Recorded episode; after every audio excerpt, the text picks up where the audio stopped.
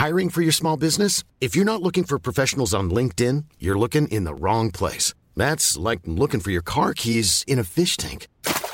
LinkedIn helps you hire professionals you can't find anywhere else, even those who aren't actively searching for a new job but might be open to the perfect role. In a given month, over 70% of LinkedIn users don't even visit other leading job sites. So start looking in the right place. With LinkedIn, you can hire professionals like a professional. Post your free job on linkedin.com slash people today. Ik heb drie vragen voor jou en ik zou het heel leuk vinden als je die kan aanvullen. Oké. Yes? Ja. Ik schaamde me voor het laatst toen...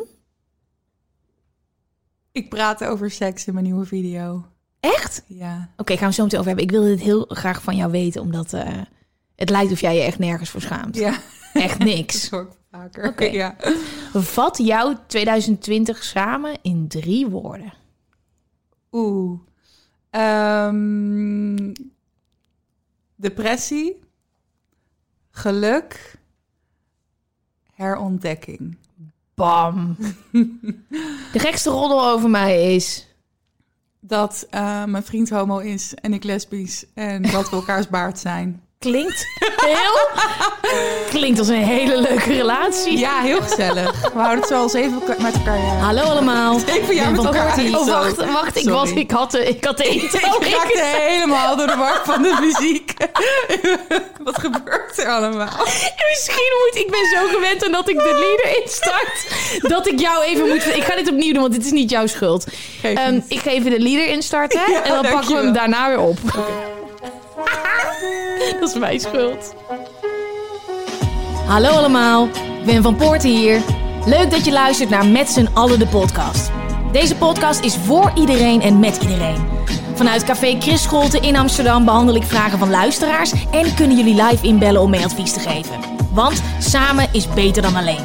Iedere week schuift iemand aan om zijn of haar wijsheden te delen. En deze week is dat... Oké, daar gaan we. In 2009 verbond ze haar passie voor schrijven en beauty aan elkaar in haar beautyblog. En dat was een match made in heaven.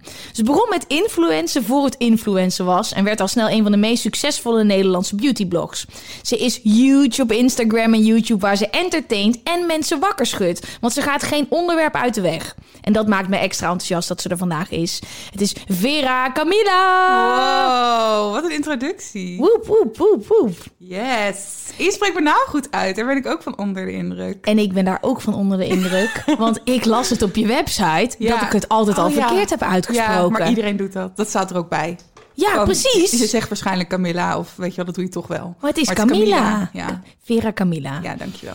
Ehm, ik wilde heel graag rondom de kerst iets bijzonders doen. En als jij eh, eh, niet ziet dat dit een kerstthema-uitzending is... Dan, eh, of luistert op Spotify of Apple Oh, Podcast... dan moet je echt even naar YouTube gaan. Want ik ben all out gegaan met fantastische regenboogkleurige... hele Ja, het is prachtig. Twisted. Nou, en die, de mensen die denken dat ik een soort eh uien, uilenfetish heb. Want er hangen hier allemaal kleuren uilen. Maar ik wilde graag een kerstuitzending maken voor jullie. Waarom? Ik hou van kerst. Kerst is gewoon, december is mijn maand. Ja. En eh, ik dacht, de hele maand december wordt in kerstsfeer. En ik wil overal op YouTube en in de podcast gaat allemaal kerst, kerst, kerst. Ja. Maar toen dacht ik, ja Gwen, je bent inmiddels in dit jaar wel een beetje een andere route ingeslagen. Je kan niet in één keer met mensen je favoriete kerstfilms gaan delen. Of laten zien hoe je een kerstbalk eh, in elkaar knutselt. Je kan niet in één keer gaan zeggen, hier is een DIY sneeuwpop bouwen of Ja, zo. ja. Dus ik dacht, hoe kan ik nou in met z'n allen thema en Turbogen thema een kerstsfeertje inbouwen? Toen dacht ik, kerst is bijzonder. Het wordt een special. Het gaat over mental health. Dat Ja. wil ik heel graag. Ik wil gewoon dieper ingaan op mentale issues. Want eh, eh, daar zit zo'n taboe nog steeds op. Waarom ga je naar de dokter, heb je een gebroken arm en dan krijg je een bos bloemen van je baas? Ja. Maar als je niet lekker in je vel zit, dan nou, moet je dat eigenlijk een beetje voor jezelf houden en durf je er nog niet echt over te hebben. Nou, ik zeg niet dat jullie daar allemaal massaal over moeten gaan hebben in één keer. Ehm, maar ik denk wel dat het aan ons is om het taboe te doorbreken. Ja. En ik dacht, oké, special, mental health. Wie kan ik daarvoor uitnodigen? Met, met wie wil ik dat doen? En het enige waar ik aan kon denken, dat ben jij, Vera. Want ja. ik zag jou al de hele tijd voorbij komen. En ik zag jou vorig jaar voorbij komen met je burn-out. Ja. Dit jaar zag ik ook nog dat het wat stiller was, maar dat je wat meer actief werd. Dat je over je depressie praatte. En toen dacht ik, ja, de enige waar ik dit mee kan doen, dat ben jij. Dus ik heb jou gebeld. Ja. Ik zei, luister, ik wil heel graag een collab gaan opnemen. En ik wil met jou gaan praten. En tada! Yes. Je bent hier. Hier ben ik. Ja, dus dit is wat we gaan doen. Je bent gast in de podcast. Ehm, en ook op YouTube. Dus je gaat ook in Turbo Gwen komen. Je gaat mee tips geven. Ja. En zo knallen we lekker het jaar uit. Helemaal in met z'n allen stijl. Een Turbo Gwen stijl. eh, met een topgast. Dus ik vind het zo fijn. Nou, dankjewel. Ik voel me heel erg gevleid. Ja, maar dit is, weet je, het is eh, in het hele online landschap eh, eh, best wel bijzonder als je mensen ziet die zo authentiek en open zijn, terwijl ze zo'n grote achterban hebben. Ja. En ik zie dat jij dat al zo lang doet en daar ook steeds sterker in wordt. En taboes zijn er om doorbroken te worden. En dat doe je door erover te praten, dingen Ja. bespreekbaar maken. Gewoon erover praten. En dan niet per se met als doel dat iedereen de straat op eh, komt en zegt: Yo, ik heb een kutdag en ik voel me depressief. Maar meer van: hey, weet je, we hebben er allemaal last van. Ja. En we maken ons ook allemaal wel een beetje schuldig, denk ik, aan een mooi plaatje neerzetten. En, en, dan, en, en dat is het ook. Voordat ik, ik ben al heel lang aan het lullen, maar ik wil jou uitnodigen. En terwijl ik deze aflevering aan het voorbereiden was, besefte ik me ook dat ik ook nog steeds niet 100% alles vertel. Ja. Want, oh ja, ik ben daar op die en die manier mee omgegaan. Ik voelde me kut, maar dan heb ik een oplossing. Terwijl het is soms nog steeds ook kut. Ja, ja, tuurlijk. Je gaat daar soms aan voorbij, Ja. waardoor ik heel vaak berichtjes van mensen krijg van, maar en hoe, hoe doe je dat dan? En alsof het altijd maar goed gaat, maar het gaat nog steeds gewoon met regelmaat ook gewoon kut. Ja. En hoe meer we daarover praten, hoe normaler het wordt, hoe Ja. minder mensen zich alleen voelen. Ja. Dus het is kerst. Fuck yes. We hebben allemaal issues. Fuck yes. En daar gaan we vandaag samen over praten. Ehm, ik wil even helemaal terug naar het begin. Oh ja. Helemaal terug naar het begin eh, van je carrière eigenlijk. Ja. Want je eh, bent begonnen met een blog. Ja. Hoe is dat ontstaan? Eh, dat is ontstaan doordat ik me niet uitgedaagd voelde ehm, bij de studie die ik volgde. Of ik deed het eh, MBO, ik eh, was grafisch ontwerpen aan het studeren. Ja. Maar ik miste heel erg het schrijven. En ik merkte op middelbare school, waar ik heel slecht was in heel veel dingen, dat ik wel goed was of dat ik er aanleg voor had. ehm, eh, om te schrijven en voor taal had ik aanleg. En mijn docenten toen stimuleerden dat al wel, maar ik had er toen nog niet heel erg veel mee. ja. Ehm, en toen ik op die opleiding zat en ik voelde me helemaal niet uitgedaagd. En ook daar kreeg ik bijvoorbeeld Nederlandse les, maar het niveau was zo laag. ehm, dat ik dacht van, weet je wat, als ik een blog begin, dan kan ik zelf schrijven. En ik merk gewoon dat als ik dingen doe, aldoende leer ik. Ik leer veel meer in de praktijk dan eh, uit een boek. Ehm, en ik vond make-up gewoon toen te gek. Ik eh, ontdekte dat toen net. En ik had een 88 kleuren oogschaduwpalet. En ik bestelde kwasten uit Amerika. En ik had zoiets van, ja, ik kan daar gewoon over vertellen. En ik dacht ook van, als ik het op een persoonlijke manier doe... dan denk ik dat het heel erg leuk kan zijn. Dat er iets ja, is wat het nog niet is. Als- Welk jaar was dit? Ja, 2009 dus. Ja. 2009. ja. Bizar, ja. Als ik nu ook zeg, denk ik, wow, het was inderdaad 2009. Zo lang geleden alweer, ja. En dat begon als hobby. Ja. Of het uitbouwen van je ja, hobby. absoluut. Ja, het was, ik had gewoon een webstreepje log.nl. Make-up, Ja. makeupalicious.weblog.nl. Wat vet. En het was gewoon grijs met paars. Heel lelijk. En ehm, op een gegeven moment toen na een half jaar dacht ik... nou, ik ga een eigen domein kopen. Maar het was echt totaal niet dat ik ook maar een idee had... dat ik hier ooit geld mee zou kunnen gaan verdienen. dus het was puur mijn hobby. En dit was echt de tijd voor influencers. Ja. Voordat YouTube booming was. Ja. Voordat je geld kon verdienen hiermee. Voordat dat een, dat dat een big business was. Ja, absoluut. En eh, jij volgde je hart. Je ging hierover praten. En wat gebeurde er toen? Nog niet zoveel. Nee? Nee. Hoe lang bleef het stil? Nou, kijk, weet je wat het was? Eh, in mijn ervaring voelde het wel alsof er heel veel gebeurde. Dus met elke bezoeker eh, sprong ik een gat in de lucht. Weet je, het groeide nog heel langzaam. Maar ik weet dat ik op een gegeven moment 1500 views had in een week. En ik dacht, wauw, 1500 views in een week. Dus ik was wel heel erg enthousiast. En ik was ook heel erg naïef om te geloven dat het wat kon worden. En ik denk dat dat... Hoezo naïef? Nou ja, kijk, als ik nu zou denken... Als ik nu een blog start met 1500 views... Ja. Ja, dan, dan denk ik dat ik er snel mee stop. Omdat ik denk, ja, dat, dat is helemaal niks. Iedereen begint. Maar iedereen begon, begint ergens. Ja. Maar toch zie je dat veel mensen afhaken omdat ze dat geloof in zichzelf niet hebben. Ja. En ik had het geloof in mezelf wel. En ik vond het ontzettend leuk. Ja. Dus eh, langzaam maar gestaag eh, groeide ik door. En eh, op een gegeven moment met mijn blog gestopt. Hoewel het eigenlijk nog maar twee jaar geleden is dat ik eindelijk die knoop durfde door te hakken. Ja.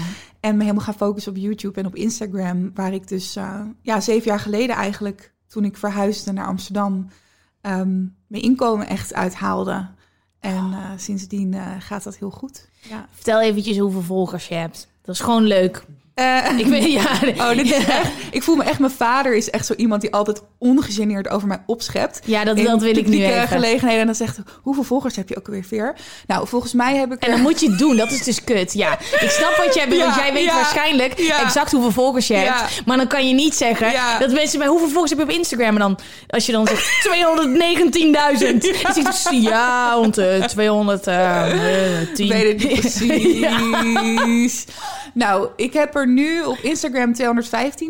Ja, En op YouTube moet ik wel zeggen dat het heel erg nog schommelt. Dus volgens mij heb ik er nog iets van 278. oh my god, Ja. insane, insane. En wat ik zo tof vind, is dat je echt een ontwikkeling hebt doorgemaakt. Dat je eh, heel hard gaat op make-up. Dat dat je passie is. Ja. Maar dat je ook alles bespreekbaar maakt. Ja. Wat zijn je favoriete thema's? Want ik zie alles voorbij komen. En Ja. het is ook super in your face. Dat vind ik heel leuk. Ja. Menstruatieondergoed. Bam! Fucking vet. Ja.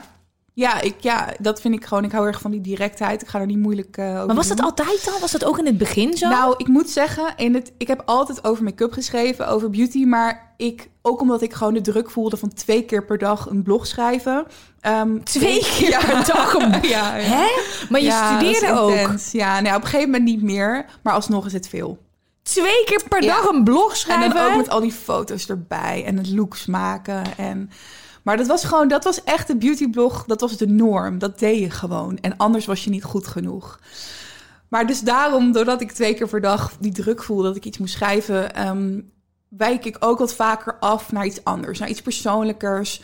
Of ik merkte altijd wel dat de onderwerpen waar een beetje taboe op ligt, dat dat me heel erg trok. Ja. En ik vond het spannend, want als ik op de middelbare school eens een keer iets vertelde over, nou weet ik veel, over menstruatie, om maar, om maar wat te noemen, Ja. dan kon daar heel lachelijk, of Ja. dan kon daar heel erg lacherig op gereageerd worden. ja. Eh, maar toen had ik een keer bijvoorbeeld geschreven over schaamhaarscheren. Ik noem maar wat. En dat vond iedereen te gek. En ik kreeg daar zoveel reacties op. Dus dat je één keer iets probeert, heel voorzichtig. En dat je dan denkt van, wow, die respons is zo Ja. goed.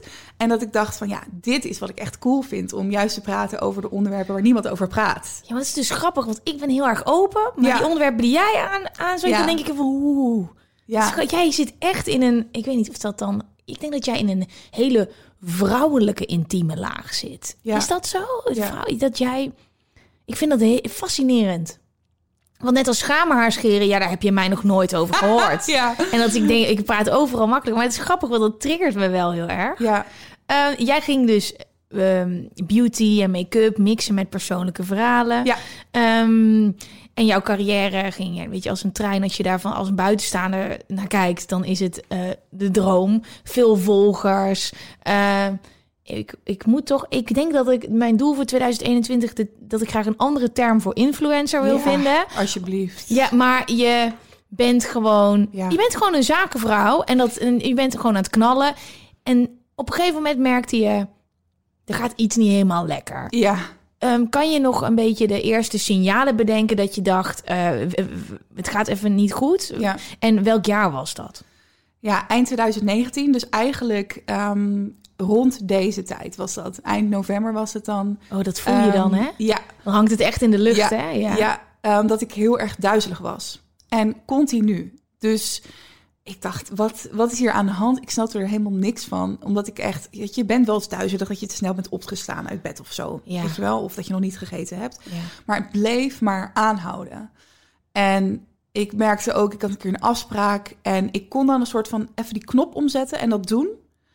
Uh, maar op de automatische piloot. En dan daarna was ik kapot. En dan kon ik gewoon op bed liggen. Ik sliep dan niet, maar gewoon puur alleen maar op bed liggen. Ja. Um, maar alsnog, ik had nooit verwacht dat het een burn-out zou zijn. Dat is echt heel veel gesprekken met de huisarts en met de um, praktijkondersteuner en testjes moeten doen om erachter te komen van ja, het is gewoon een dikke vette burn-out. En um, je merkt het dus vooral fysiek? Ja, fysiek heel erg. Er waren zoveel signalen van mijn lichaam. Uh, uiteindelijk ook toen ik alles opschreef was het een hele lijst. Ja. Uh, maar zoveel kleine dingetjes, weet je, dat duizelige, daar, ja, daar kun je niet omheen. Nee. Uh, maar andere dingen die er ook waren. Uh, en ik kon niks meer onthouden, bijvoorbeeld. Dat was ook bizar. Dat ik gewoon drie dingen, dat ik pannenkoeken ging bakken, dat ik beslag moest kopen, eieren, melk. Ja. En dat ik naar de supermarkt liep en continu weer op mijn lijstje keek van, wat, wat moest ik ook weer halen? Ja. En dat is echt... Maar wat dacht je zelf dan? Wat dacht je dat er aan de hand was? Ja, ik ging gewoon kijken naar hele lichamelijke oorzaken. Of weet je, echt in, in, in, niet in het mentale. Ik dacht, misschien is er iets mis met mijn evenwichtsorgaan. Um, op een gegeven moment zei mijn vader, heb je geen vijver? Oh ja. Ja. Dat hebben we bij mij ook gecheckt. Ja. Voor ik me beur... Maar ja. ik hoopte dat het vijver was. Of Lyme of zo. Weet je, bloed laten prik, prikken, alles laten checken. Ja. Um, en ja, daar komt natuurlijk helemaal niks uit. Nee. Nee. En dan? Dan zegt de dokter in één keer...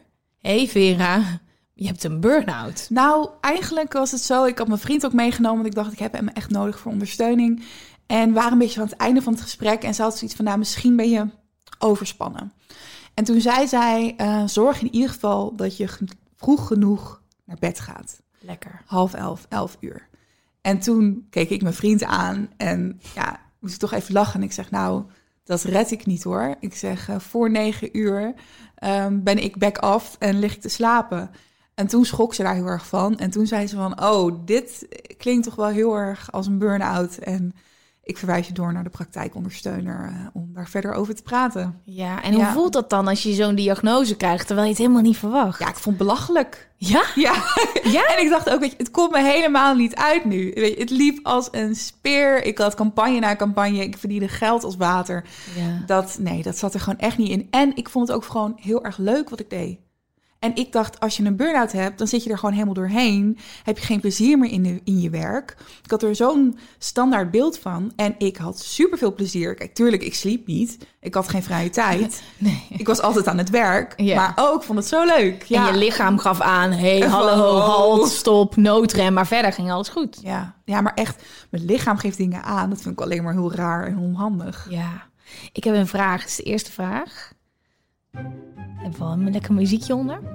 Hey, ik ben een gast. Ik luister met zoveel plezier naar de podcast en tegelijkertijd leer ik zoveel. Super bedankt daarvoor.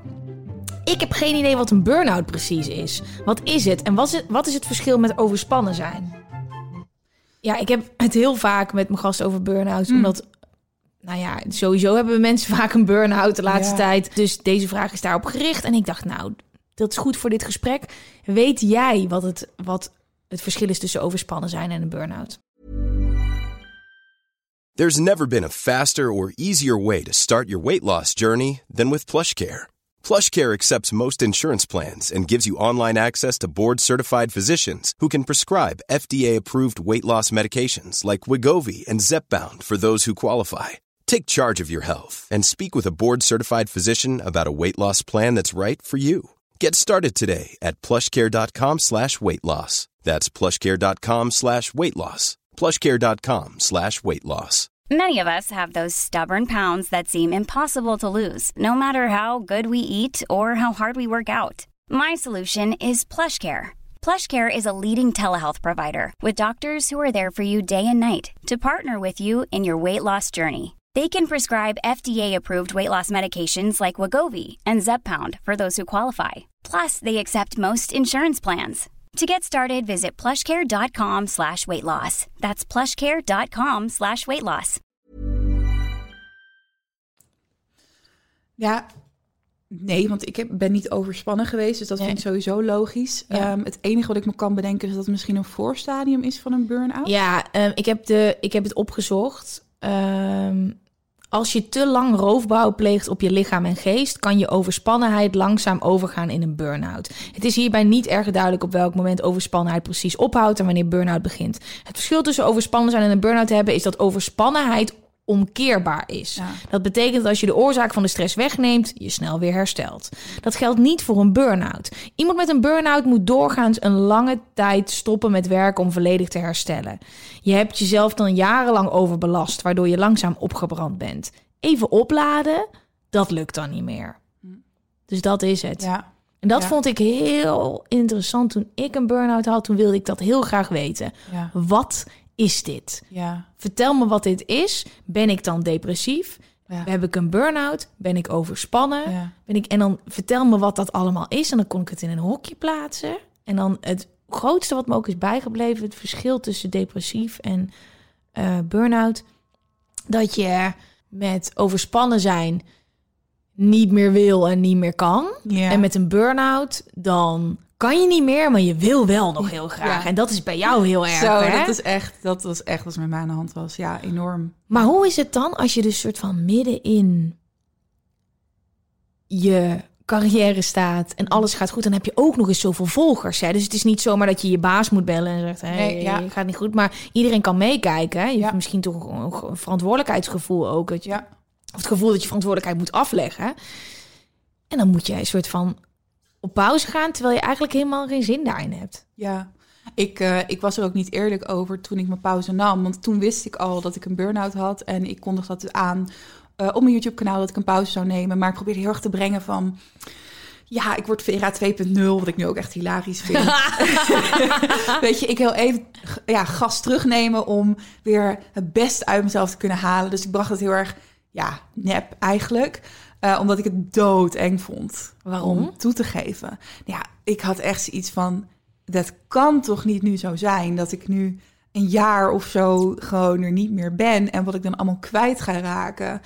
En alle merken waarmee ik samenwerk, die gaan afhaken. Maar je voelde wel die noodzaak ook om echt te stoppen. Ja, ik kon niet meer. Nee, ik kon niet meer. Ik kon niet meer doorgaan. Nou ja, ik kon misschien nog wel het laatste beetje eruit persen. Maar ik ben echt maar blij dat ik dat niet heb gedaan. Want dan had ik nog veel langer moeten herstellen. Ja. Dan nu al die twee jaar eh, er zijn nodig eh, geweest. Ja. En wat is er terechtgekomen van al die onzekerheid die je toen had en dat die angsten dat alles weg zou zijn? Nou, ehm, dat viel heel erg mee. Kijk, tuurlijk, ik heb heel lang weinig verdiend. Eh, bijna niks. Dat is natuurlijk ook, je bent je eigen baas. Ja. Nou ja, en ik had al geprobeerd een arbeidsongeschiktheidsverzekering af te leggen, eh, af te nemen. Voor mijn burn-out natuurlijk. Ja. Eh, maar dat ging niet vanwege mijn angststoornis. Was ik een te groot risico. Ja. En toen zei wel, zeiden ze van, nou ja, weet je, misschien kan je sparen. En dan is dat een soort van je buffer als er wat gebeurt. En toen dacht ik, oké, prima. Ik had al veel gespaard en ging daar gewoon mee door. Dus dat is echt mijn redding geweest, dat ik gewoon mijn spaarrekening had. En dat ik daarop kon teren. En dit was alsnog wel heel spannend. Maar dat, eh, dat zat gelukkig allemaal goed, dat ik, eh, ja, gespaard had. Vertel me even wat meer over je angststoornis. Ja, die is er ook nog. Ja, want die is er altijd al geweest. ja, generaliseerde angststoornis heb ik. En wat is dat? Eh, nou, eigenlijk dat ik voor alles een angst kan ontwikkelen. En als ik die angst heb, dan beheerst dat mijn leven. Ehm, dusdanig ook dat het me van kan weerhouden bepaalde dingen te doen. Ehm, of dat ik echt uit angst ga handelen. Dus dingen ook niet te doen. Dus denk Ja. bijvoorbeeld aan het reizen met het OV.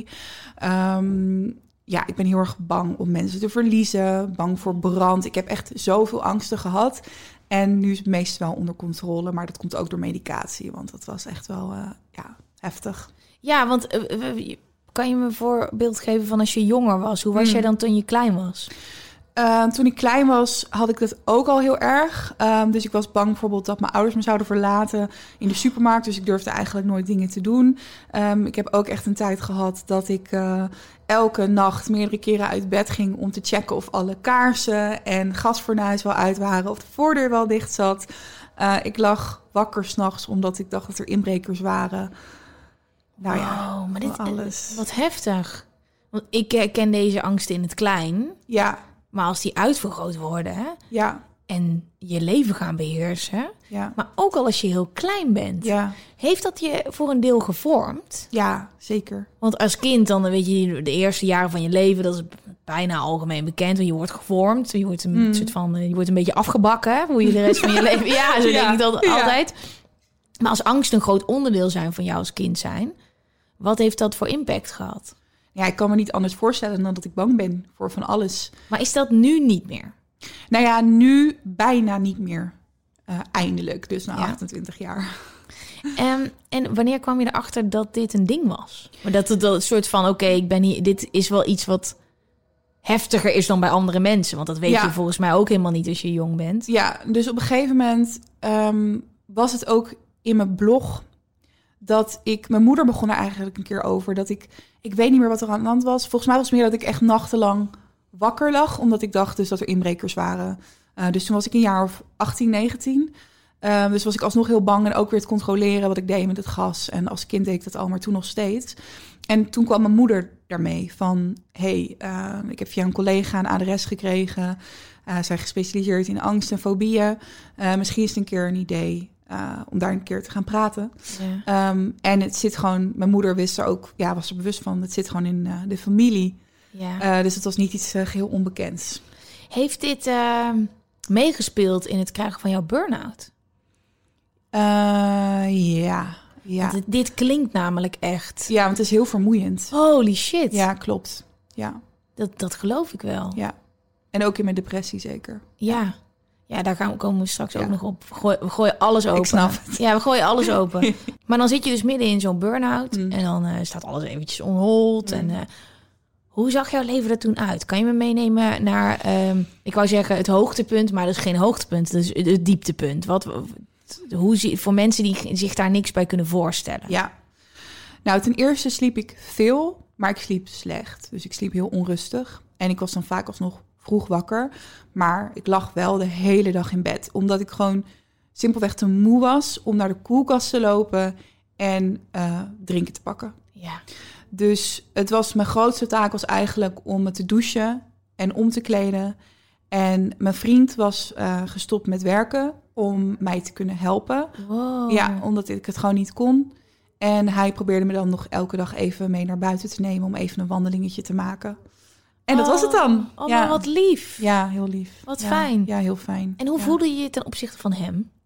Ja, super schuldig. Zo, Ja. ja.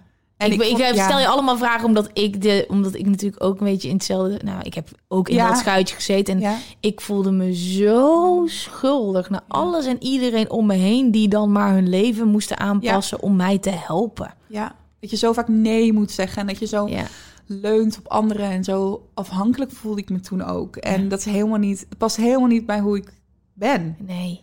Dus dat was, eh, maar gelukkig mijn vriend is echt de allerliefste en ook heel verzorgend eh, van zichzelf. Ja. Dus dat, eh, dat hielp wel, moet ik zeggen. Maar Ja. het was echt heel raar en ja, niet fijn. nee, en je bent dus heel erg moe. Ja, Wat nog meer? ja en ik kon dus niks meer onthouden. Ja. Dus dat vond ik heel moeilijk. Ehm, ik kon nauwelijks zeg maar goed praten. Dus ik ging ook hele rare andere woorden gebruiken in mijn zinnen. Ik kon niet op woorden komen. Ehm, eh, even nadenken. Ja, ik had natuurlijk heel veel lichamelijke klachten. Ja, en ik heb dus nu nog steeds last van ehm, mijn hoofd. Dus dat het wat het langste duurt om dat helemaal te herstellen, dat je weer helemaal goed kan nadenken. Eh, wat vind ik nog steeds moeilijk. Om, eh, daardoor gebruik ik ook vaak verkeerde woorden of kom ik niet lekker uit mijn zinnen, omdat het eh, nog niet helemaal eh, 100% werkt. Ja. Maar ik kon bijvoorbeeld ook nauwelijks een boek lezen. Dat is echt gewoon te veel. Je vraagt te veel van je hoofd. Dus eigenlijk alles wat ik in mijn hoofd moest doen, wat ik altijd heel veel deed juist en heel goed in was, ja. ja, dat ging gewoon echt niet. Nee. En hoe lang heeft dit geduurd? Nou ja, dus twee jaar. De- deze situatie. Ja, nou ja, op een gegeven moment wordt het natuurlijk wel beter. Ja. En op een gegeven moment ging ik weer mijn werk oppakken. Maar uiteindelijk moest ik toch weer een stapje terug doen. Omdat ik toch nog, weet je, dat ik ja, twijfel wel een beetje aan de hulp die ik kreeg van een psycholoog. Of dat het helemaal goed ging. Ehm, ja, en Waarom? ja, omdat zij me heel erg wel aanspoorde om weer mijn werk op te pakken.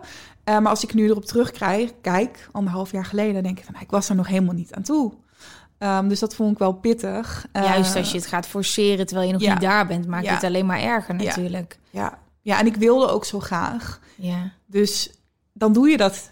Maar ja, als ik er nu op terugkijk, denk ik van nee, dat was nog niet eh, nee, hoe het helemaal hoort te zijn, denk ik. En hoe is het dan om dan bovenop zoveel volgers te zitten? Ja. Zulke grote platformen. Ja. Het is zo dichtbij. Ja, Het ligt voor je neus. ja, En je kan het gewoon niet. ja.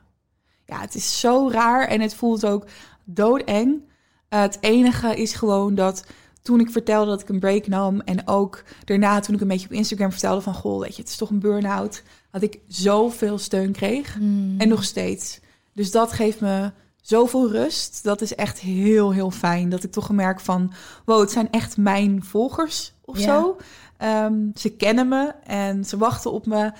Ehm, dus dat geeft wel rust. Maar alsnog, tuurlijk was het hartstikke spannend. En nog steeds wel dat ik denk van, ja, weet je, hoe lang gaat het allemaal nog goed? En, eh, en blijven ze nog steeds? En ook met wat ik nu upload, vinden ze dan nog wel leuk. En, maar ik probeer daar niet te veel mee bezig te zijn, niet meer te geloven in wat ik doe. Ja. En ehm, ja, zo er een beetje uit te komen. Ik heb een volgende vraag. Ja. Hey Gwen, ik loop al een tijdje op mijn tandvlees. Ik ben opgebrand en moe, maar en ik kom niet toe aan eruit komen. Hoe begin je daarmee? Nou, dat is een hele korte, krachtige vraag. Ik zit, de, alle, af, alle vragen zitten gewoon een beetje in dit thema. Ja. Ehm, ga, jou gewoon, eh, ik ga gewoon met jou in gesprek en dan komt dat antwoord vanzelf wel. Nou ja, dat is eigenlijk precies de situatie waar je nu in zit. Ja. Je bent op, je zit in je dieptepunt. Ja. En dan, wanneer zijn die eerste stappen daaruit? Hoe klim je uit zo'n dal en begin je weer? En hoe voel je dat het dan wel de juiste tijd is? Ja. Ja, ik denk dat het vooral heel erg belangrijk is om te kijken naar de oorzaak. Dus waarom ben je zo moe geworden? Ehm, en een beetje los te laten ook waarvan je denkt dat het zou moeten komen, maar echt te kijken naar wat het echt is. Dus Ja. wat ik las hè, over burn-out toen ik in mijn burn-out kwam, is heel veel stress of geen fijne werkplek. En ik dacht van ja, maar dat, Nee. dat past helemaal niet bij mij. Nee. Maar het was wel zo dat ik gewoon heel veel werkte. Ja. En ik denk dat het soms moeilijk is om dat zelf te kunnen zien, omdat jij erin zit, middenin. Ehm, dus om iemand anders dichtbij je te vragen van, weet Ja. je, hoe kijk jij ernaar? Heb jij een idee? Wat zou het kunnen zijn? Wat doe ik te veel? Waarom ben ik moe? Ehm, want het kan best wel lastig zijn. Ik vond het ook heel moeilijk. Ehm, maar wel om er nu iets mee te gaan doen. Want hoe langer je wacht, hoe groter het probleem wordt. Want wat waren die antwoorden bij jou? Waar ben jij achter gekomen? Wat deed jij waardoor je in deze situatie bent beland? Ja, ik was gewoon altijd aan het werk. Dus hoe leuk het allemaal was, het was gewoon wel heel veel. Ja. En het moest perfect zijn. Dus ik was super kritisch. Ja. En ik zat gewoon de hele dag achter mijn computer. Ehm, en ik werd boos. Ik merkte ook gewoon, ik werd boos als het niet goed gedaan werd. Dus bijvoorbeeld als Jeffrey dan een foto van mij maakte. Oh. Jeffrey is mijn vriend. Ehm, en het was niet goed. Ik voelde zoveel stress van, ja, maar het moet wel goed zijn. Weet je, die foto moet zoveel likes krijgen. I of- feel you. Ja. ja, dat zijn allemaal tekenen natuurlijk. Maar dat zag ik toen ook niet. Maar je hebt natuurlijk ook geen collega's als eigen Nee, baas om je heen. En je bent je, er, je eigen, you're your own worst critic, is dat zeg maar, hoe zeg je dat in het Nederlands? Maar je, ja, je, je bent zo kritisch op jezelf. Ja. Maar het is ook niet zo dat je even een evaluatiegesprek hebt met je baas die zegt, hé hey, luister, Vera, gaat supergoed allemaal, Mm. maar Mhm. je, je bent zo kritisch. Dat heb je niet. Het Nee. zit allemaal, en, en, je, en dan ga je in een soort spiraal, dan wordt het alleen maar erger. Ja, ja. Ehm, was er nog meer? Dus je, je werkte heel hard. Je was heel eh, perfectionistisch, kritisch, Ja. snel boos. Ja, en ook bijvoorbeeld dus elke privé situatie. Ik zat toch altijd te kijken naar, zit hier een leuke Instagram foto? Of een leuke story? Of kan ik hier een vlog van maken? Dus ik deed gewoon helemaal niks meer gewoon voor mezelf. Oh, ik krijg helemaal dat de stress als ik daar aan denk. Ja, want ik, ik weet wat het is. Ja, omdat je Maar zo ja. die druk voelt van... Weet je, ik moet altijd posten en die views moeten hoog blijven. En ik moet persoonlijk zijn. Dat is natuurlijk ook... de Waar is die lijn? Ja, en de volgers vinden het juist leuk om je persoonlijke leven te zien. En dat snap ik. Maar het is ook belangrijk dat je dus een persoonlijk leven hebt. En Ja. als je dat weer hè, op camera, als je dat weer moet filmen... Ja. of weer een foto van moet maken... dan is dat niet meer privé, dan is dat niet meer persoonlijk. Ja. En dat kan gewoon, ja, in mijn optiek, dat kan gewoon niet. Dus weet je, als je kijkt naar een reality-serie, bijvoorbeeld ik kijk graag Keeping Up with the Kardashians, ehm, dan zie ik ook heel duidelijk heel veel is in scène gezet. Maar gelukkig, want ze kunnen toch niet de hele tijd echt achtervolgd worden door camera's en dat hun leven hun, hun Nee. werk is. Tuurlijk, je wilt het idee hebben dat het zo is, Ja. maar het, ik geloof niet dat dat kan. Nee. En ik denk ook, wat jij zegt, je stond gewoon altijd aan. Ja. En niet per se dat mensen dat dan op jouw tijdlijn terugzien. Mhm. Maar jij hebt zelf gewoon nooit een scheidingslijn Klopt. getrokken. Jij bent gewoon altijd. En ik denk ook wat dat, wat dat dan dus zo cool, maar ook kut is. Dat je werk is zo leuk. Ja, Dus je wil ook. Het is ook leuk om dat te doen. Ja. Maar als jij een hele lange tijd. Nou ja, dat is een kwestie van jaren dan bij jou. Ja. Vanaf het moment dat Zo. jij twee blogs per dag bent Ja. gaan schrijven, ben jij in jouw privéleven gaan scouten naar ja, wat je kan doen. Wat je privé kan doen. ja. Het is echt inderdaad gewoon heel geleidelijk gegaan. Daarom Ja. vond ik het ook zo moeilijk om te zien. Weet je, dat ze zeiden van, heb je, heb je het afgelopen half jaar meer stress gehad? Ja. Nee, ik doe dit al jaren zo. Ja. En, En je bent met- natuurlijk meteen begonnen als eigen baas. ja, ja, Wauw, natuurlijk. Dus je hebt ook nooit meegemaakt hoe het is om onder een baas te werken die je eventjes vertelt van yo yo. Eh, ik heb natuurlijk wel vakken gevuld bij de Albert Heijn. Ja, dat is natuurlijk wel. Nou ja, ik heb stage Ja. gelopen, 40 uur per week, toen ik eh, nog die opleiding deed. Ja. Eh, en toen merkte ik, zo is het om onder een baas te werken. En ik vind het helemaal niet. Nee. dus ik wilde ook Ja. mijn eigen baas zijn. ja, maar dan Maar- maak je dus ook je eigen regels, Ja. terwijl je misschien nog helemaal niet weet wat de beste regels zijn. Klopt. Ehm, en dan, Ja. waar begin je dan met ehm, je een privéleven maken? Ja, nou, ik dus veel duidelijker die scheiding maken tussen wat is privé en wat is werk. Ehm, dus ik moest echt inderdaad mezelf aanleren mijn telefoon thuis te laten. En ik heb bijvoorbeeld nu ook een privé en een zakelijke telefoon. Dus dan kan ik hem nog makkelijker thuis laten. En eh, gewoon echt dingen doen, wat vind ik leuk? En als ik dan de gedachte had van, oh, hier kan ik een video van maken, van dat gaan we dus niet doen. Maar dat is echt Oh. totaal nieuw voor mij. Kan je me een voorbeeld geven? Ja. Nou, bijvoorbeeld, ik ging naar ehm, de Sephora in Oberhausen. Oh my god. zit daar nu- Oh, mijn content hart gaat daar ook harder van kloppen. Ja, want er zit Ja. daar dus een hele grote Sephora. En mijn ouders wonen in Arnhem, dus dat is heel dichtbij. Dus echt, nou, nog niet Wacht eens een even. rijden. Ja, Oh ja. ja, Ik, oh god. ja. Ik, eh, ik, dit is dus heel dichtbij Ja. natuurlijk. ja. Oh, ik dacht altijd dat ik naar Parijs moest voor de Sephora. nee joh. Nee. Maar Ja, goed, oké, als, ik ga ik door. video... Sorry. Nee, geeft niet. Mensen die denken, kijk, de, mensen hebben niet deelt van mij dat ik heel hard op, op eh, make-up en Mm. beauty en skincare ga, maar ik ben echt een skincare junkie. Mm. Altijd als ik op reis ga, dan heb ik één dag dat ik dan naar de Sephora Oh, ga en dan ga ja. ik op blogs kijken wat je hier niet kan halen en dan neem ik Ja. alles mee. Ja, Ik heb een soort hele muur aan shit. Dus als jij Sephora zegt, denk ik, ah! Maar je gaat daar naartoe. Jij Ja. denkt natuurlijk, mijn volgers vinden dit leuk. Dit Ja. scoort. nou, exact. Ik dacht, dit is heel leuk, want dat kan ik vloggen. Dat is dus hè, privé, persoonlijk. Dan zitten mijn moeder en mijn vriend er ook in. Ik weet dat mijn volgers dat leuk vinden. En het is een geweldige tip, want het zit gewoon in Oberhausen. Dus het is aardig binnen bereik voor nou ja, een groot deel van Nederland. ja. Dus ik dacht, nou, te gek, weet je. Dan heb je al die prachtige merken die we hier niet hebben. Ehm, en toen dacht ik van, nee, ik ga dat niet doen. Ik ga gewoon omdat ik het leuk vind en omdat ik make-up wil kopen en wil testen. Eh, ook niet omdat ik dat wil gebruiken zakelijk, maar omdat ik gewoon puur uit mezelf als Vera ehm, dat leuk vind. Ja. Dus, maar dat is echt nog steeds, weet je, ik heb die gedachten nog steeds van, oeh, leuk voor een video. En dan denk ik van, nee, ja. dit is gewoon even iets voor mezelf. Maar, maar anders neem je al je eigen genietmomenten weg. Ja, echt. Ik merk dat ook met, ehm, met z'n allen mediteren. We hebben een maand lang met eh, een hele grote groep mensen gemediteerd. Ja, wow. En dit natuurlijk een deel van mijn business is nu in één keer zelfhulpboeken, video's, Ja. podcasts, Ja. meditatie. Dat ik in één keer merk dat ik ieder boek dat ik zit te lezen, dat ik denk, oh, hier kan ik een turbo een video van maken. Oh. Uh, Maar ook altijd al en alles het persoonlijke wat je doet als je ergens naartoe gaat. Maar je moet heel goed scheiden. Ja. Er is een verschil tussen aanstaan in je professionele leven Ja. en uitstaan en bijdenken. Ja. Je kan niet altijd alert zijn en Nee. ready to rumble. Nou, en ik voelde me dus ook echt zo. Ja. Een soort van alsof ik inderdaad altijd eh, aanstond. Alsof ik met mijn ogen open. Eh, ik, dus ik kon ook niet slapen. Ik was continu aan het ratelen in mijn hoofd. Aan het nadenken, ideetjes die ik had, die ik wilde doen. Ehm, ik zat overal overal zag ik mogelijkheden. Wat ook een voordeel is, waar ik ook van profiteer. Dat is ook dodelijk vermoeiend. Maar echt, ik moet nu ook echt af en toe tegen mezelf zeggen... s'avonds, dan merk ik dat mijn hoofd nog gaat. Dan leg ik mijn telefoon weg. eh, dan pak ik een boek of ik ga gewoon lekker op de bank zitten. Echt zoiets heel dat je denkt, nu waarschijnlijk al wat saai. nee. Maar dat heb ik zo nodig, want anders lig ik straks weer in bed te stuiteren. En dan kan ik niet slapen.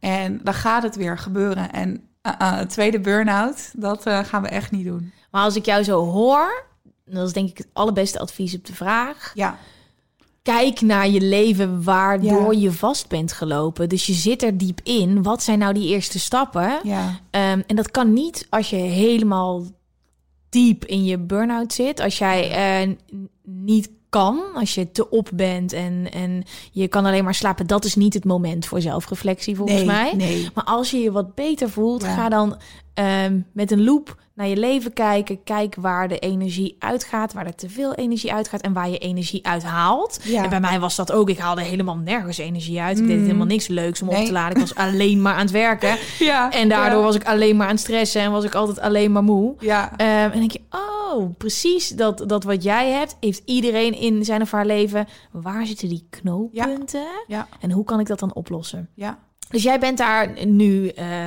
heel streng in naar jezelf. ja.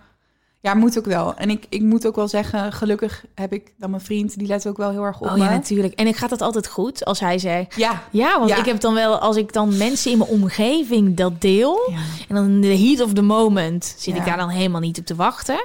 Dan denk ik, hou op, hou je mond. Ja, Maar ja. dat is natuurlijk wel waar. Nou, ja, ik heb vaak dat ik al gesnauwd heb Oké. en denk van oeh. En dan even later zegt hij heel lief iets van...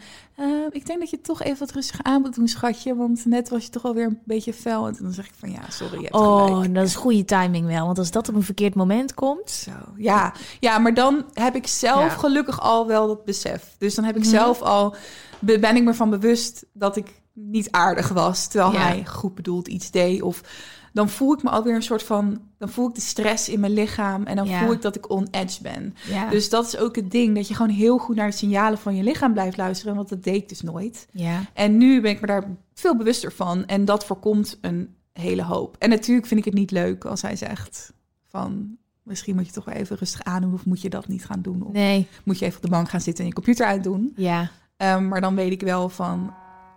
Wow, wat is dit? een Oh, dit is een boot. Is het een eh schip? Is het Sinterklaas? Is dat dat ding? Het is de pakjesboot van Oh, eh, gaat- de kerstman, want het is net 22 zeggen, die gaat december. terug naar Spanje. of hij maakt Ja. een omweg. Ik weet niet wat dit voor uh, stoomhoorn is, maar we zitten hier lekker aan het ei. En het is een Heerlijk. prachtig uitzicht. ja. En wat voor slechte patronen waren er nog meer in je leven die je moest aanpakken? Ehm, even nadenken. Dus... Nou ja, ik had dus geen hobby's. Oké, dit vind ik heel interessant. Ja, en dat vind ik nog steeds moeilijk hoor. Vertel me alles daarover, want dit is uh, same here. Ik Ja. heb geprobeerd te diamond painten, maar dat is... Ja, ik heb ook... Oh ja. Ja, heb je ook Dat geprobeerd? dingen Ja, ik, ik geprobeerd. heb nu dus eentje van... Nou, oké, dit is eh, typisch ik. Ja. Ik ging diamond painten, had ik Ja. gewoon bij bol.com besteld. dacht ik, nou, dit is leuk. Nu ga ik all out. Heb ik echt eentje van één bij één besteld. Maar ja, die is veel te groot. Dus ik heb helemaal geen plek daarvoor. Dus ik dat hele ding. En dat is, is gewoon één bij één meter. Fucking groot. Het zijn tienduizenden fucking steentjes. En, ik, en mijn- ja, dat ding kan ik de hele tijd nergens neerleggen. Alleen op de grote tafel. En dan denk ik, oh ja, dit is veel te groot. En ik krijg last van mijn nek ervan. Als Ja. ik dan te veel... Ik Ja. weet ook niet als er diamond paint mensen zijn... die mij advies kunnen geven hoe ik geen nekkrampen krijg... terwijl ik diamonds aan het plakken ben. Misschien maar, moet je nog een statief of zo kopen, dat je hem dan Ja, maar dan ga je een je zo doen. Oh ja, ik heb Maar- het nog nooit gedaan. Maar dat is dus mijn poging van mijn vriend heeft dat wel en ik niet. En ik heb heel erg veel behoefte aan ontspanning. Want Ja. er is niks anders dat ik leuk vind dan mijn werk. Ja, Maar dat is geen ontspanning. ja, Ehm, jij kwam erachter, hey, ja. ik heb geen hobby's. maar je hebt je werk, dus dat is, je hebt eigenlijk van je hobby je Ja, werk nou gemaakt. precies, dat Ja. wilde ik dus net zeggen. Ik heb van mijn hobby werk gemaakt. En dat klinkt natuurlijk heel mooi en het is ook heel mooi, maar het is ook heel riskant. Het is ook wel fijn om inderdaad je hobby's, je hobby's te laten zijn je werk je werk. Vertel me alles alsjeblieft. Ja, nou ja, ehm, ik moest, weet je, het voelde gewoon echt, mijn burn-out voelde echt een beetje gewoon als een keiharde reset. Dus ik voelde me ook vaak letterlijk als ik over straat liep, een kind. Dus dat ervaarde ik gewoon heel erg. En heel veel dingen die me gewoon niet eens meer opvielen, omdat ik gewoon alleen maar in mijn hoofd zat, werden opeens weer duidelijk. Mhm. Ehm, maar goed, die hobby, ik heb ook van alles geprobeerd. Ik heb eh, kleuren geprobeerd. Ja. Ehm, nou ja, van alles. En ik vond het Ik wil alles horen. Heel moeilijk wat ik allemaal heb gedaan. Ja, ik vind dat echt leuk. Ja, in ieder geval, ja, gewoon kleurboeken. En dat vond je leuk? Nee, Nee, ja, ik ook niet. Want ik, als ik dan niet mooi het kleur, vind ik het Nou, al niet meer leuk. inderdaad. Ja, en ik verveel me gewoon heel snel. Ja. Dat is echt mijn valkuil. En toen kwam ik eigenlijk terug op waar het allemaal mee begonnen is. En dat is make-up. en natuurlijk. dan gewoon, maar echt alleen voor mezelf. Dus niet, ik maak me nu op omdat ik video opneem. Maar het is vrijdagochtend en ik ben vandaag vrij. En ik ga gewoon lekker zitten en ik heb alle tijd. Ik heb geen deadline. En eh, het hoeft niet voor een Instagram story of wat dan ook. Maar ik ga gewoon lekker nu doen wat ik wil. Ik ga lekker experimenteren en ik mag de tijd leuk. vergeten. Ja, en dat is echt ehm, wat echt mijn hobby is. Wat leuk. Ja. Oh, wat cool. Ja. Daar heb ik helemaal niks aan. Ja, maar ik vind het, ja. Maar ik dacht, Ja, nu, maar je zegt nu ga ik iets. ik- Je komt met iets en dan kan ik dat dadelijk meteen Ja. bestellen en dan ga ik dat ook proberen. Ja. Maar ik ga niet voor de spiegel een beetje in mezelf staan presenteren. Hallo, het is vrijdagochtend. Ja. En dan dat niet. Maar je bent wel gek op skincare, toch? Dat zeg je ja, net. maar ja, dat ja, maar dat is. Maar kan je daar nog iets mee? Ik heb ook zo'n nu face. Ja. Ja, Nou ja, het gaat echt even om dat je dus alleen... Weet je, als je in je badkamer Ja. bent, dat je uitgezoomd bent... en dat je alleen met die producten... en dat je lekker je gezicht masseert of een maskertje Ja, doet. dan verveel ik me. Ja. Ik heb Ja. wel dat ik echt heel hard ga op Netflix. Maar in principe is een hele serie op één avond bingen. Ja, Ja. I did it Wow. before. Ja, Eh, dat is niet dat het voor je geluk... Tenzij je heel hard hebt gewerkt. ja. Maar bij mij is het balans met werk. En Mm. ehm, ik weet gewoon even niet echt waar ik mijn energie vandaan haal. Ja. Zeg maar, het tankje gaat alleen leeg. Wat ik wel al een hele grote openbaring heb gehad... als we toch een beetje aan zelfreflectie gaan doen Ja, is dat ik dus dacht, een aantal weken geleden, want we zitten nu al eind december, maar we nemen dit begin december op. ja. Ik dacht dus, het was te veel in begin november. Want ik heb nog gewoon alarmbellen die afgaan. Ja, ik ook. Eh, en eh, die zijn er gelukkig, dat is heel fijn. Dat is Ja. dan een soort fijn cadeau dat je dan krijgt. ja. Dat het echt too much was. Toen had ik jou ook daarvoor gesproken. Toen zei ik, ik ga vakantie Ja. nemen. En daarna Oh. ga ik jou bellen. Maar wat dus het probleem was, waar ik dus van geleerd heb... is dat ik voor die vakantie, dus je bent al op... Het is al te veel. Wat je dan moet doen, moet je in één keer... werk van drie weken in tien dagen stompen. Waardoor ik gewoon helemaal niet meer echt goed sliep. Want dan kan ik lekker bijkomen. Maar wat er dus nu gebeurde in die week... is dat ik gewoon te kapot was om te bewegen, gezond te eten... niet eens te wandelen. Ik was tien dubbel kapot. Ja, En dat ik uiteindelijk het moment dat ik me weer een beetje oké voelde... alweer moest beginnen. ja. Dus dat was wel dat ik dacht... oh ja, dit is zo'n momentje dat ik denk... je gaat niet vooruit werken. Zorg gewoon voor harmonie en balans in je dagelijkse leven. Ja. Maar een, een echt ontspanningspunt... sporten is het wel. Ja, Maar ik moet heel eerlijk zeggen dat ik maandag voor het eerst... sinds vier maanden of zo heb gesport. ja. Maar dat is natuurlijk ook... Ja, dat is precies de reden waarom ik dat niet Ja. deed. Ja, omdat ik dacht, ik weet niet hoor, maar als we allemaal met mondkapjes en zo, ik vind het allemaal goed, maar ik ga niet zeg maar naar. Maar ik heb ben op, er is een punt dat ik dat ik dacht, ik heb echt oprecht liever. Nee, dat kan ik niet eens zeggen. Maar ik dacht wel, de, de, hoe erg ik nu leid onder het niet sporten mentaal. Hmm. Dat ik gewoon echt een soort schim van mezelf ben. Ja, En toen ben ik er dus achter gekomen dat als je te kapot bent om de, de, ba- de basics ja. te brengen. Dus het, ik weet dus, oké, gezond eten, sporten ehm, en lief zijn voor En jezelf slapen. en slapen. Ja. Die moeten goed zijn. Maar als je te hard werkt, waardoor dat niet meer kan. Dus toen dacht ik, oh, dus ik was heel erg uit balans. Ja. En toen merkte ik, oh ja, een soort van zo'n soort van andere blik daarop. Ik ben helemaal afgeweken van je hobby's. Maar ehm, super fijn dat je dus in je zakelijke leven, in je business, dat je hebt ontdekt dat dat gewoon altijd ook nog je hobby is, maar dat je daar een heel ander lichtje op hebt geschenen. Ja. Dus dat je dat gewoon weer terug hebt gepakt. Ja, hoewel ik het ook alweer een beetje denk van ja, doe ik het wel goed dan? Is dat wel een legitieme hobby? Als je het, ja zeker. Maar het voelt voor mij wel, het voelt voor mij wel zo. dat is toch het allerbelangrijkste. maar het is toch een beetje dat ik denk van, kan ik nou gewoon niet serieus één hobby vinden die niet met mijn werk te maken heeft. Ja, dat, oh, we moeten een soort quest doen. Ja. Ja, ik heb dus dat ik het heel leuk vind om op eh bulldogs te passen. Dit, eh, Oh ja. Want ik heb vroeger een bulldog gehad en ik ken Oh. nu iemand met een puppy en iemand met een ah, en die komt dan en dan heb ik het beste weekend van mijn leven. Maar denk Ja. ik, ja, is op een hond passen nou een hobby? Ik denk het niet. En het is ook niet dat het op oproepbasis is. Dus ik kan niet iedere week zeggen, ik zou het liefst willen dat die honden allebei bij mij woonden. Maar Maar- kan je niet zelf een hond nemen? Nou, dat is denk ik te veel werk. Ik denk niet dat ik daar dan echt, als het weer dadelijk gewoon helemaal, Mm. voor- dat, dat kan Ja. niet. Dat is zielig. Ik ben veel te perfectionistisch daarin. Ja. Het moet allemaal goed gaan. Ja. Over perfectionistisch gesproken, ben jij als je jezelf opmaakt, dan ook nog heel perfectionistisch? Nee, echt. Ik moet zeggen, dat, dat, dat was heel moeilijk om het los te laten. Maar daar heb ik nu echt zoveel meer scheid aan. Dat ik echt denk, ja, tuurlijk, wil ik, tuurlijk ben ik blij als het er mooi uitziet. Ja. En denk ik, ik voel me ook goed als ik opgemaakt ben. Dus ik maak Ja. me ook dagen niet op. Maar ik voel me goed als ik opgemaakt ben. Dus ik ben blij als ik denk van wauw, dit is, eh, dit is mooi. Maar ik ben ook heel realistisch. Ik ben geen Nikki Tutorials. En dat hoeft ook niet. En daar liggen mijn kwaliteiten niet. Ik vind gewoon dat, dat momentje voor mezelf heerlijk. Ja. En ik vind het er mooi uitzien. Eh, het is niet fantastisch, maar ik vind het mooi. En dan ja, ben ik er eigenlijk content mee. Tuurlijk, als mijn eyeliner scheef schiet of zo, dan haal ik hem eraf en doe ik het opnieuw. Maar Maar dat perfectionisme had je het net wel over Ja. eerst, toch? Dat was eerst wel tuurlijk, mega. Maar ook veel meer in... Ja, als ik een video maakte, ehm, was ik gewoon heel streng op mezelf. En ook wel op hoe ik eruit zag, hoor. Zeker. En maar ook in wat ik vertelde en hoe ik het bewerkte... en hoe de views gingen en hoe de reacties waren. En op alle vlakken. Ja. Dus dat en was... hoe verander je dat? Want dat is gewoon iets. Wat zijn je normen en je waarden? Hoe Ja. je naar iets kijkt. Dat is je, Ja. de essentie van je hele business Ja. en je, van je hele zijn. Hoe verander je zoiets? Nou, eigenlijk doordat ik erachter kwam dat mijn kracht helemaal niet ligt in dat alles zo perfect is. Dat mijn kracht juist veel meer ligt in dat ik mezelf ben en dat ik eerlijk ben en dat het niet perfect hoeft te zijn. Oh my dus god. aan de ene kant denk ik nu echt van, hoe kan ik dit niet door hebben gehad? Want ik liet altijd al kleine versprekingen in mijn video's, kleine foutjes die ik maakte. En mijn volgers vonden dat al te gek.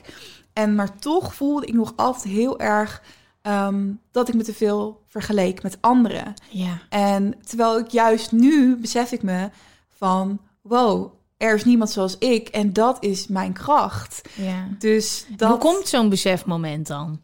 Is dat dan een moment dat Nou, je zit te chillen op de ja. bank en je denkt... Nee. "Tada." Nou, ik heb dus op een gegeven moment gevraagd op Instagram stories van waarom volg jij mij? Oh my god. Ja. ja, dat zou ik heel spannend vinden. ja, omdat vond ik ook, vond ik ook, maar ik was het ook een beetje gewoon kwijt. Dat ik dacht, wie ben ik ook alweer? En wat maak ik ook alweer? En waar sta ik voor? Ik voelde me zo afgestript van alles ehm, wat ik altijd deed, Ja. dat ik het gewoon niet meer wist. Dus ja, wat heb ik te verliezen?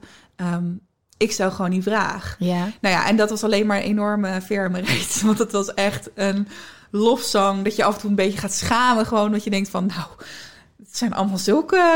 Ja, dat is gewoon heel, heel positief.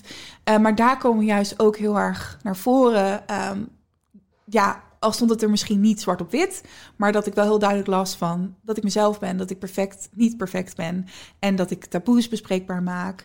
Ehm, weet je, ook met body positivity, waar ik ook over post, dat vinden heel veel vrouwen. Ik zit natuurlijk in zo'n bubbel van, van social media waarin iedereen het zo goed lijkt te doen. En ook op body positivity, dat iedereen gewoon foto's zo goed als naakt maakt.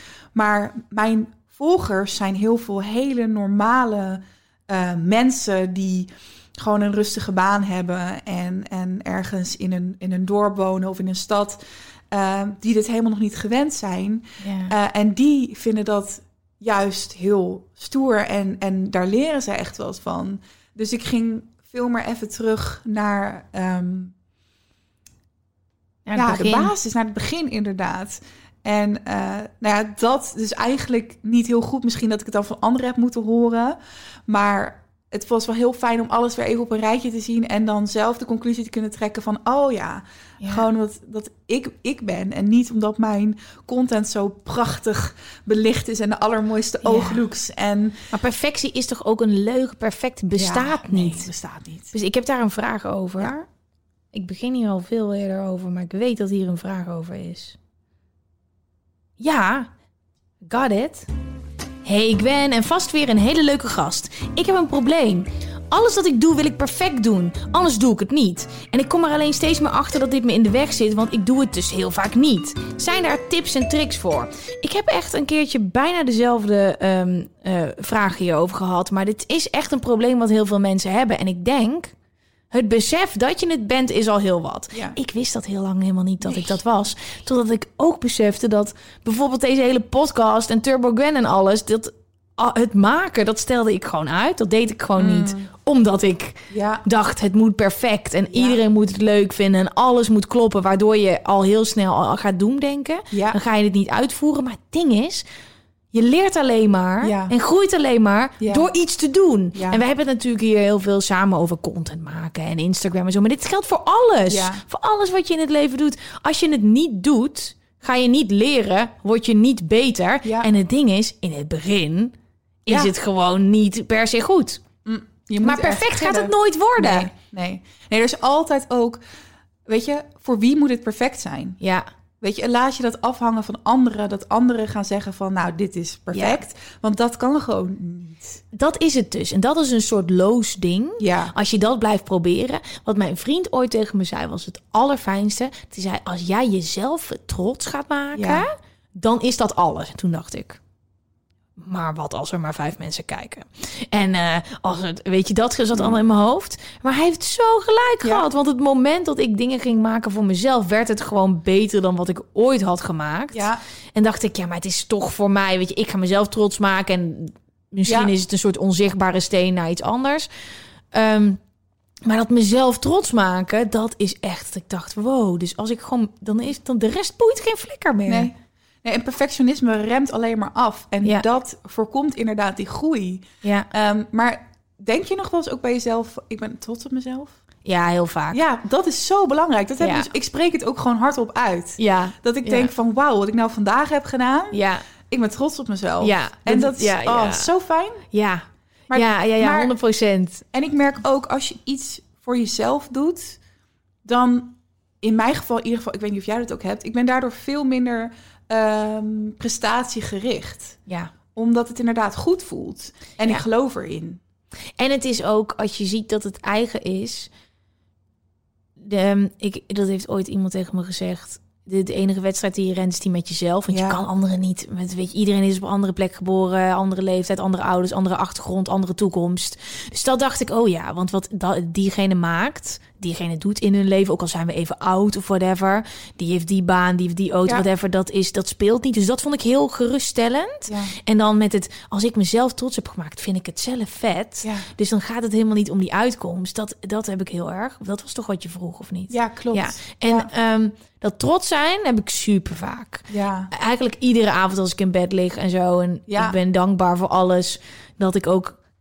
Als je dus jezelf trots gaat maken, ga je zelf groeien. Ja. Dus dan zie je al dat ik de eerste keer dat ik deze fucking lampen op ging halen, dacht ik wat vet. Ik ben gewoon naar zo'n verhuursbedrijf gegaan, wat ik eh, nog nooit had gedaan. En ik heb gewoon dat uitgezocht hoe ik dat moest huren. En dan ben ik gewoon zelf naartoe gereden en heb ik gewoon meegenomen. Want ja, er zijn gewoon heel veel producties die ik doe Ja. waar het gewoon is Gwen, ja, komt er binnen. Ja. En dan, het, het- vroeger wilde ik altijd alles doen bij BNN. En ook bij Excite de- daarvoor. Dan wilde ik alles mee opbouwen. En dan was het Gwen, jij bent presentatrice. Jij focus je op wat jij doet. Ja. Want ik wil dat het gewoon eh, helpen en lief zijn. Maar mijn werk wordt er niet beter op als ik niet... eh, ehm, ja, dit was, dit, en dat klinkt misschien heel stom. Maar ja, ik moest me gewoon focussen op, op mezelf. En de rest moest gewoon zijn of haar werk doen. Ja. Ehm, dus dan word je een beetje zo opgevoed. Eh, totdat ik dan weer zelf dingen ging maken. Echt zelf dingen ging maken begin dit jaar. Ja. Dat ik dacht, oh mijn god, dat ik gewoon echt dacht... ja, maar weet je, je denkt in het begin oh, zoveel. En ik heb natuurlijk wel mensen die mee produceren... maar die ik dan zelf inhuur. En ik heb natuurlijk Jasper. En, maar ja, ik, eh, ik dacht heel lang... Die, die stappen die gaan me geen voldoening geven. Totdat je echt gewoon dingen voor jezelf gaat doen. Dat je dingen die je niet eens voor mogelijk houdt. Dat zou bijvoorbeeld voor mensen die luisteren kunnen zijn. Gaan solliciteren. Of een lijst opschrijven wat je leuk vindt. Of op YouTube onderzoek gaan doen naar hoe een tuinman zijn werk doet. Want je wil graag tuinier worden. Ja. Al die stapjes. Ja. Die zijn zoveel meer waard dan je van tevoren denkt. Ja.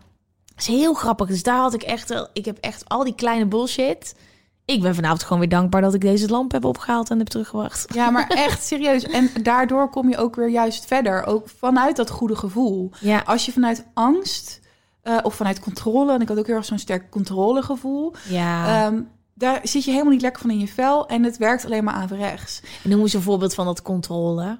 Nou ja, ik was alles continu aan het checken. Ehm, dus van hoe goed een video bekeken werd... tot eh, of het wel met mijn ouders goed ging... Ehm, tot ehm, mijn mail, is die mail op... Nou, echt op alle vlakken. En het Ja. gevoel ook hebben dat je ergens controle over hebt. Ja, ja, Terwijl ja, ik nu ja, zoiets heb van... eh, dat heb Het ik het niet. is. Ja, ik merk dus als het minder goed gaat, niet zo lekker zit. Dus bijvoorbeeld in die vakantie, Ja. dat ik dan echt heel erg alles ga checken. Ook Ja. als ik in bed lig, ga ik ook kijken of het gas Ja. nog aanstaat, of de deur wel op slot is, of ehm, achter mailtjes aan zitten. Eh, Waarom heb ik hier nog geen antwoord op? Ja, Wat is dit? Waarom gaat en dan ook denken, godver, waar? Terwijl als je lekker zit, Ja.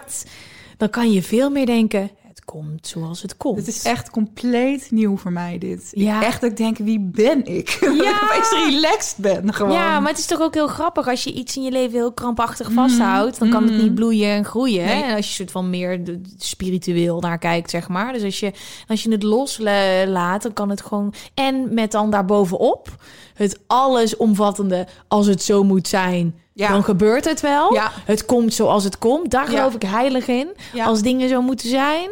Dan gebeurt het wel. Je hoeft niet jezelf te forceren, perfectionistisch, controlfreak Ja. te zijn. Ik dacht vroeger dat perfectionistisch zijn en een controlfreak dat dat goede eigenschappen. Ja, dat dacht ik ook. Dat is toch zoiets dat als mensen dan vragen op een sollicitatiegesprek van wat is je negatieve eigenschap, je zegt ik ben te perfectionistisch van aha, weet je, Ja. heel slecht. Maar dat Ja. is echt niet de Ja. eh, perfectionisme, dat is nee. Sowieso heel veel niet. debielen, of dingen die op je cv zo geen 9 tot 5 mentaliteit. Gast, als jij wil Please. dat ik gewoon goed werk, moet je me gewoon s'avonds met rust laten. Ja, ja. Toch? Dat zou Ja. het moeten zijn. Dat je dan dat je denkt dat je baas denkt: oké, geen 9 tot 5 mentaliteit en een teamplayer. Nou, dat is dan wel handig als je een teamplayer bent. nee, maar dat soort dingen. Dat je denkt: oh, dat zit er zo ingeslopen. Ja, terwijl het is juist zo belangrijk dat niet je werk je hele leven overneemt. Omdat Ja. je dus geen 9 tot 5 mentaliteit hebt. Ja, Eh, en dat weet ik ook toen ik stage liep. Dat ik dus inderdaad verwacht werd dat ik dan tot na vijven bleef. Terwijl mijn werk gedaan was. ja, Maar dat was een soort van hè, etiket of hoe het hoorde. En dat ik nu denk, het is juist zo fijn. Ik zet mijn computer uit om vijf uur ja, en het is klaar. ja. Ja, dat is zo goed. Ik heb dus gisteren met mijn agent een nieuw werksysteem bedacht. Omdat dus ook zo'n reflectiemoment. Dat is dus wat ik aan mijn burn-out heb overgehouden. Dat ik continu bij reflecteren en kijken Ja. naar mijn leven van... oké, waarin loop ik vast? Wat kan beter? Nou, er is dus een illusie dat je vooruit kan werken. Want dan nemen we heel veel van deze dingen op... maar dan is er meer ruimte. Terwijl als er dan dingen komen die ik kan doen, die vet zijn... Ja. ja dan is er ruimte. Dus dan doe je ze zonder dat je het door hebt, want je agenda is leeg. Dus mijn agent, eh, eh, ik heb een management, manager, agent. Uh, Lisa is ook wel een manager. Heel team. Ehm, ja, en die, ja, en die, die eh, zij breert mijn agenda gewoon. Dus als er plek is en het is vet en dan dit, dat. Dus er is eigenlijk nooit rust. Dus ik zei, kan je me helpen met hoe kan ik in godsnaam nu het doen? Want ik snap het niet meer. Want het is dus ook, je hebt ook creativiteit nodig. Dat heb jij ook, Ja. denk ik. En dat heeft denk ik iedereen ja. momenten dat je ruimte hebt om na te denken over je werk. Van nou, wat kan er beter? Of je komt op een spontaan idee. Dat is niet als je zit te beuken achter je laptop Nee. met een deadline. Dus ruimte om te ademen. En ik merk dus als ik gewoon de inhoud van alles wat ik zelf maak. Ja, het is niet zo dat ik als een robot achter mijn laptop ga zitten. En dan denk, oh, dit is het interview. Nee, daar heb ik gewoon ademruimte voor nodig. Dus Ja. hebben we een nieuw werksysteem vanaf eh, januari. Vanaf de eerste maandag van januari hebben we iedere maandag dat ik eh, eh, afspraken buiten de deur en draaidagen buiten de deur. Dinsdag is een content maak en voorbereiddag. Woensdag is een zelfdraai contentdag. Oké. Donderdag is een afspraken buiten de deurdag. En vrijdag zoveel mogelijk kijken of we dat gewoon een beetje vrij kunnen laten. En Ja, ik ben iedere ja. dag bereikbaar tussen half tien en drie uur 's middags. Ja. Ja. Wow, Ja. dit was voor mij zo dat ik dacht. Ze zei, want dit stelde zij voor. Ja. Toen dacht ik, wow, dit is... Je, je kan zo met dit soort... Het klinkt heel simpel, maar Mm. Structuur. Ja. Ja. heb jij zo'n structuur? Ja, ik heb, ik heb zeker een structuur. Please, tell me, tell Nou me. ja, kijk, ik ben van sowieso heel erg. Eigenlijk is mijn valkuil dat ik te veel plan. Ik wil alles plannen. Ik wil weten wat er gebeurt. Ja. Ik plan het helemaal strak. Ja, Haast. ja, maar Dus daar- dan, als het dan... Ja. Oh ja, ja, I feel you. Dat doe ik ook, ja. Dus ik probeer dan nu elke maandag neem ik een video op voor mijn YouTube-kanaal. Eh, die monteer ik op de dinsdag en die plan ik dan in voor een van de dagen. Ehm, het liefst wanneer eh, Jeffrey, eh, mijn vriend, weer aan het werk is, zodat het niet live gaat op een dag dat hij vrij is. Want van zijn dagen helpt hij mij ook één dag met werk, met Instagram foto's maken. Ja. Dat soort dingetjes. En één dag zijn we dan vrij samen, zodat we dus samen ongeveer allebei werken we vier dagen in de week. Ja. En dan plan ik die video dus in. Dus bijvoorbeeld donderdag, ehm, dan ga ik naar de kapper. Lekker. En dat vind ik saai.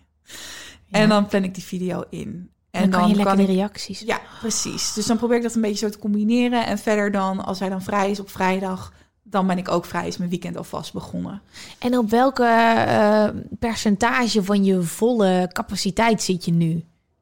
Qua herstel van je burn-out. Hoeveel en herstel ben? Ja, ben jij weer helemaal... eh, Ja, klaar? nou ja, wat ik al zeg, mijn hoofd is nog wel af en toe eh, moeilijk. Dus Ja. ik merk dat nog het nadenken en zo nog niet helemaal op zijn oude niveau is. Ehm, dus ik laat ik zeggen 90% Dus ik ben er al wel bijna hoor. Het gaat heel Ja. goed. Ik heb veel meer energie. Ehm, en ik kan veel meer werken ook. Maar ik ben ook wel voorzichtig. Want ja, dat is het, hè? Ja, ik wil niet eerst te werk gaan en dan weer gas terug moeten Oh, nemen. dat had ik zo ook. Dat ik dan dingen deed en dat ik gewoon niet wist hoe die... Want het ding is dus, Mm. met te veel doen... Ja. Je merkt het niet op het moment. Nee, je merkt nee. als je rust komt en dan Ja. denk je... Oh, Ja, dus daar let ik ook heel erg op, inderdaad. Als ik dan een dag die rust heb of het weekend heb, van hoe voel ik me dan? Ben ik helemaal kapot? Ja. Dan ben ik te hard gegaan afgelopen week. Dus ehm, Wat is je grootste les uit je burn-out? En dan gaan we door naar een volgend hoofdstuk. ja. nou ja, dus dat het niet, niet perfect moet zijn, maar gewoon goed genoeg. Ja, nice. Ja, hey, ehm, dan denk je dat je alles hebt gehad. Ja. Dan heb je je hele leven last van angststoornissen. ja. Krijg je bam in één keer een burn-out op je dak. Mm. Kom je in één keer in een depressie terecht. Ja, Hoe is dit ontstaan? Eh, hoe merkte je dit? ja. Was het anders? Nou, wat ik dus best wel lastig vond, is dat ik nog niet uit mijn burn-out was toen het kwam. En in het begin van mijn burn-out moest ik op een gegeven moment zo'n vragenlijstje invullen. En ehm, nou ja, zo'n beetje alles kruiste ik aan, behalve dat ik me somber voelde of dat ik suicidale gedachten had. Of weet je, Ja, ik die zat vraag is wel confronterend, Ja, hè? ja. Nou ja, maar ik zat kip, ik voelde me kip lekker op dat ik me dit, nou ja, ik voelde me niet kip lekker, maar ik was niet somber. Ja. En op een gegeven moment, dus ik denk ongeveer een jaar geleden, merkte ik dat er een soort kanteling in kwam. Heel, heel langzaam ging het. Uh, maar dat ik dus eigenlijk niet meer zin had in mijn werk. Dus dat ik helemaal niet meer video's wilde opnemen. Oh. Ik wilde helemaal niks doen. Ik wilde gewoon uh, wandelen in het bos, films kijken, lekker eten. En dat is het. Ja. En, maar toen had ik nog helemaal niet door. Ik dacht meer juist van shit, wat is hier aan de hand? Um, ik vond het toch juist hartstikke leuk. Vind ik het nou toch niet meer leuk? Moet ik dan toch iets anders gaan doen? Um, en in met die psycholoog uh, waar ik uh, toen uh, bij liep, had zij ook zoiets van, nou ja, weet je, wat zou je dan willen doen? En dan ging ik nadenken denken over dingen, maar ik kwam er niet echt uit. En daar ja, liep ik daar dus maar mee. En het werd alleen maar erger en erger en erger. En, en wat is erger en erger? Nee, nou ja, mensen dus weer werd, mee hoe, ja. hoe wat, is, wat zijn ja, depressieve okay, gevoelens? Oké, okay, dus ik was... De, de ugly. Ja, dus zeg maar, mijn vermoeidheid kende ik al van mijn burn-out. Ja. Maar die vermoeidheid bleef. En ik bleef ook nog eens heel erg onrustig, dus ik sliep slecht. En ik merkte gewoon dat ik niks meer leuk vond. Dus dat vond ik ook lastig als ik nadacht over... oké, okay, wat kan ik doen om te ontspannen? Wat zijn mijn hobby's? Niks. Ik word overal moe van. Um, ik haal nergens uitdaging uit. Ik word nergens angstig? vrolijk van. Nou, ja. Ja, ik was ook angstig. Ja, Zo maar, grappig om, als je het hierover hebt, Ja. hè?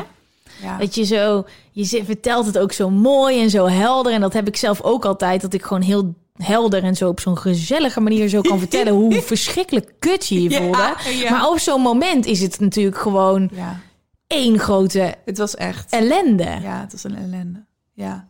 Maar die angsten kende ik nog van altijd. Ja. Dus dat, weet je, zorgt niet eens voor dat, het, uh, dat ik daarvan schrok. Maar ik merkte dat eigenlijk kwam het met de vraag over eh, het willen van kinderen. En ehm uh, dit is misschien heel random hoor. Maar mijn moeder begon steeds vaker een beetje zo grapjes te maken over... nou ja, als jullie later kinderen hebben. Mhm. En ik zie in mijn omgeving gewoon steeds meer vriendinnen... eh, andere influencers, eh, die Wij kinderen... zijn daar, ja. Ja. Dit is this is the moment. Precies, ja. ik ga richting de 30, eh, ik ben eind 20. eh, en inderdaad, het is gewoon, het neemt steeds meer met social media over.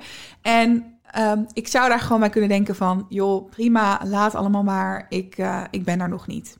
Maar ik merkte dat eigenlijk zoiets, nou ja, wat, wat, wat vrij klein is, voor mij heel groot werd. En dat het voor mij eigenlijk de kant op ging van dat ik me heel erg bewust was van mijn bagage mijn angststoornis waar ik al zo lang mee zat, mijn burn-out dan.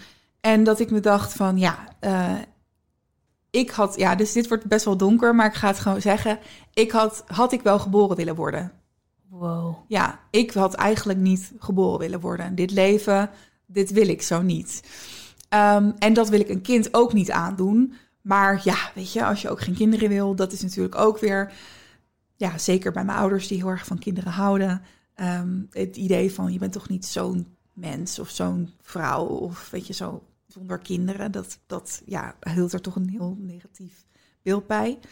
Ehm, en dat escaleerde dus gewoon steeds verder. Met dat ik gewoon nog neerslachtiger werd en eh, niet meer mijn bed uit wilde. En steeds vaker eh suicidale gedachten kreeg.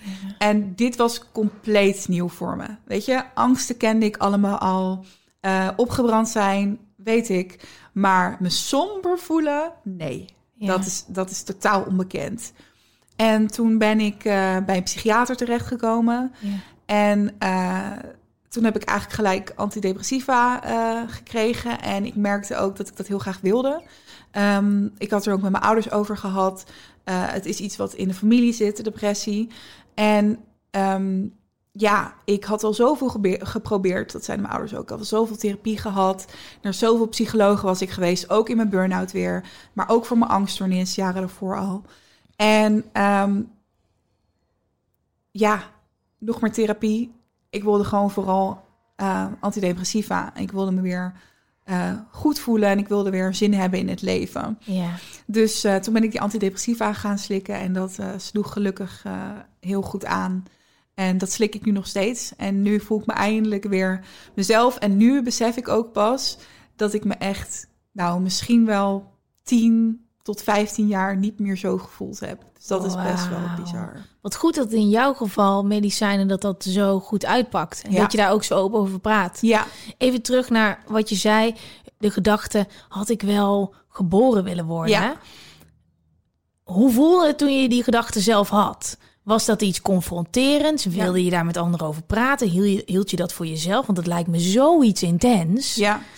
Als Ja. dat in één keer in je hoofd opduikt. Ja, ik schrok ook heel erg ervan. Maar ik merkte dat ik er steeds vaker aan dacht. Eh, en ook steeds meer ervan overtuigd was. Ehm, en dat ik... Ja, ik wilde het natuurlijk eigenlijk met niemand over hebben. Want ik schaamde me heel erg. Ja. En ik schaam me niet zo snel, zoals je Nee, over- maar daarom vind ik het zo cool Ja. dat je het vertelt. Ja, omdat ik ook... Nee, kijk, nu kan ik er weer nog niet helemaal van een afstandje... maar al wel best wel van een afstandje naar kijken. En dat... Daardoor kan ik er makkelijker over praten. Maar zeg Ja. maar, als je me in augustus had gebeld... dan had ik dat nooit gezegd. Want Maar moet je eens kijken augustus, hoe ja. kort dat geleden is. klopt. Ja. Het is begin december nu. I know, I know. Ja. Hoe voelt dat, dat dit jaar voor jou? Ja. Deze twee jaar. Ja. Ehm, kan je verklaren, ehm burn-out, staat eh, eh, depressief zijn Mm. daarmee in verband? Nou ja, volgens mij wel. Want Ik heb ook een, een- me depressief gevoeld, maar dat was wel een hele lange tijd daarna. Mm. Maar het was compleet anders wel. oké, Eh, eh, was dit voor jou een beetje hetzelfde? Ik vind het nog steeds moeilijk om dat te zeggen. hoe bedoel je, was het hetzelfde? Eh, nou ja, de- een, een burn-out en depressief zijn.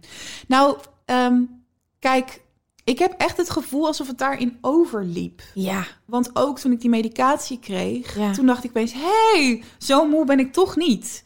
En terwijl ik heel lang gewoon Wow. zo moe was in mijn burn-out natuurlijk. En dat bleef maar. Dus ik werd niet minder moe. Nee. En ik dacht, nou ja, het zal, het zal wel. Ik, eh, ik probeer er gewoon mee, eh, mee te leven. Eh, maar toen kwamen op een gegeven moment die sombere gevoelens. En het leek dus echt een beetje alsof het daarin overliep. En toen ik dus met die medicatie dacht ik, oh... Meteen of heeft het dan even Nee, tijd dat duurt, nodig? dat duurt even. In het begin heb je vooral heel veel last van bijwerkingen. Uh, Wel maar bijwerkingen. zo van alles. Uh, misselijk. ehm, ik uh, trilde heel erg van binnen. Dus ik was heel onrustig. Dus ik sliep daardoor ook niet goed. Ehm, hoofdpijn, dat soort dingetjes. Maar dat neemt ook weer af. Dus na een paar weken neemt dat af. En ga je de effecten ervan merken. Als die antidepressiva dan goed bij jou aanslaat. Wat Ja. het bij mij gelukkig deed. En um, ja, toen merkte ik langzaam aan. Op een gegeven moment zijn we nog gaan ophogen. Um, van, oh, ik ben niet meer zo heel moe. En ik voel me weer wat lichter. En ik voel me weer mezelf ook vooral. Want ik herkende mezelf helemaal niet meer. En nu denk ik echt van, wow, ik voel me echt weer een soort van pubervera haast. Wauw. Ja.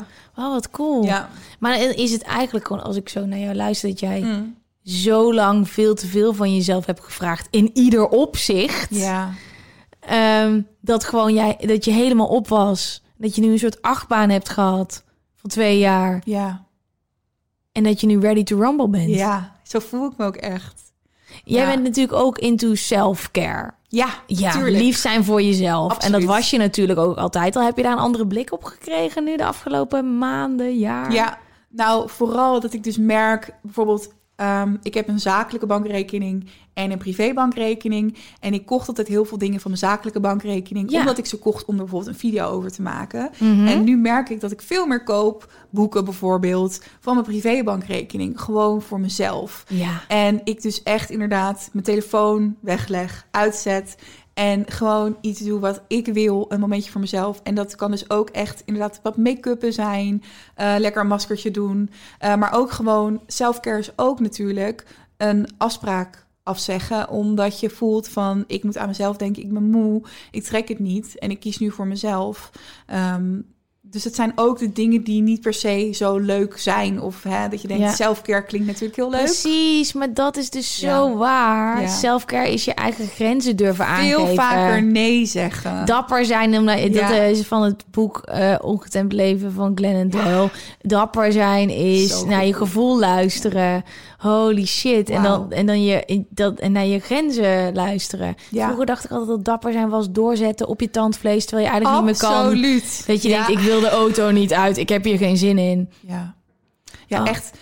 Dat ik zeg ook nu, ik ben zoveel meer, het is zoveel meer duidelijk voor mij van, ik ben zelf de belangrijkste persoon in mijn leven, dus ik wil mezelf gelukkig houden. Ja. Dat ik daardoor ook veel makkelijker nee zeg op dingen of ehm, het niet meer doe of het afkap. Of ook, het ook gewoon zeg als ik iets niet leuk vind. Ja. En natuurlijk is dat nog wel moeilijk. Natuurlijk is het niet in elke situatie dat ik zomaar eh, dat eruit eh, gooi. Nee. Ehm, maar dat is echt voor jezelf zorgen op alle vlakken. Zo belangrijk. Ja, Ja. wat fijn, wat fijn.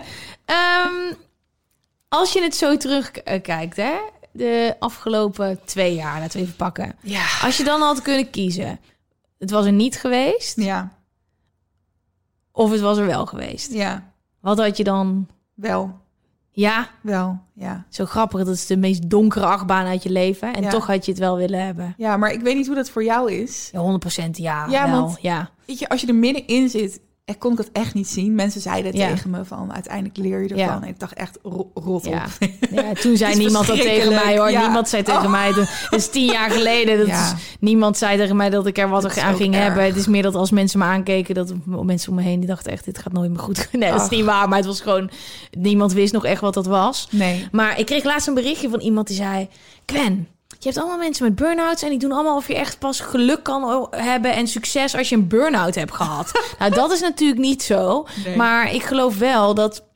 het je gegeven wordt zodat je een aantal lessen kan leren Mm. en dat je je leven kan fine-tunen. Ja, Ehm, en dat je er op een betere manier uitkomt. ja. Maar dat je dus echt, net als op een survivalbaan, ben je aan het klauteren en ben je je obstakels aan het overwinnen. En dat doe je dan ook. En ja. Ja, kijk, ik wil, kijk, ik had ook gewoon een medium leven kunnen blijven houden waar ik continu gewoon niet optimaal gelukkig was. Ik zie gewoon dat het me allemaal tools heeft gegeven, Ja, waardoor ik mezelf gelukkiger en nog lekkerder in mijn vel kan laten zitten. ja. ja, voor mij is het ook... Weet je, ik heb nu die scheiding van privé en werk veel duidelijker. Ja. Veel duidelijker dat ik voor mezelf kies. En ook veel duidelijker een doel voor ogen. Uh, en dat werkt veel uh, makkelijker en veel fijner. En ik heb veel meer alles los kunnen laten waarvan ik dacht dat het moest zijn. Ja. Dus ja, ik kijk, weet je, als je privé en, en werk ook kan scheiden, dan zit je gewoon helemaal goed. Maar voor mij ja, stond alles natuurlijk in teken van werk. En ik heb er gewoon zoveel van geleerd. En als ik kijk nu, voel ik me gewoon zo goed. En al die lessen had ik nooit kunnen leren zonder mijn burn-out. Het was me echt nooit gelukt. Nou, wat fijn. en dit is nog niet het laatste wat wij samen gaan doen. Uh, Yes. Aankomende donderdag komt er een Turbo Gwen eh, live... waarin jij jouw allerbeste tips geeft. Ja. Tips voor een beter, leuker, lekkerder leven. Ik ga voor het eerst een Turbo Gwen collab doen. Dat is super spannend. Ja, want ja, ja ik, heb nog, ik dacht gewoon, nou, dit vind ik leuk. Maar Mm. hoe ga ik nou iemand vinden die dit ook kan doen? Nou, na dit gesprek weet ik nog beter... dat jij echt de perfecte eerste collab bent. Ehm, en eh, de week daarna nog een Turbo Gwen waar wij allerlei vragen hierover beantwoorden. Dus dit is het zeker nog niet. Hou mijn YouTube kanaal in de gaten. Volg Vera ook overal op Instagram en ook op haar YouTube kanaal. Dat is allebei de naam Vera Camilla. Ja. Camilla, Camilla. Ja, maar je Eh, schrijft het dus als Camilla. ja, je schrijft het als Camilla. en wij gaan ook nog samen een video op jouw kanaal opnemen. Ergens in het volgende jaar. Ja. Dus de aankomende soort van weken ben je gewoon zoet met ons. Ja, wow. Ja. Het is gewoon één groot mooi geheel. Ja. En om nog eventjes af te sluiten.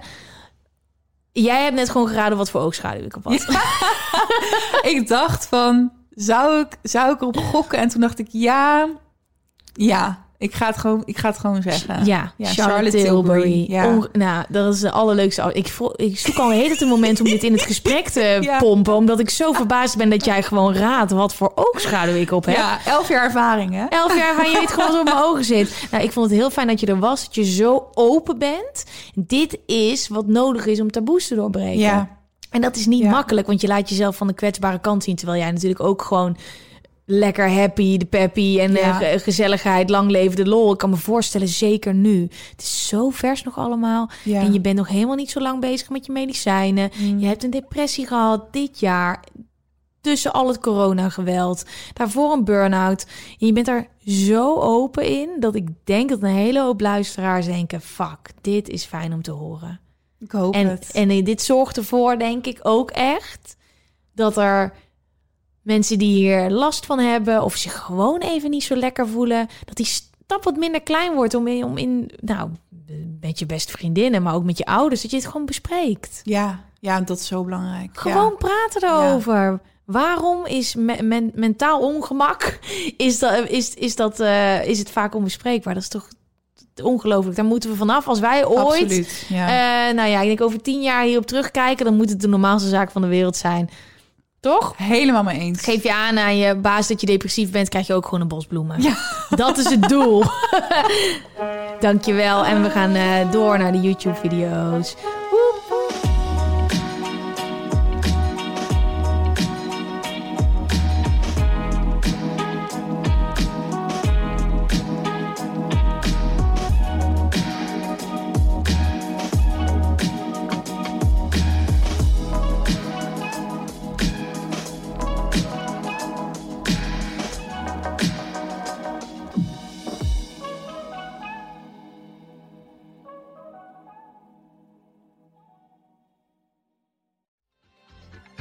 Weet je waar ik zo'n tyfushekel aan heb?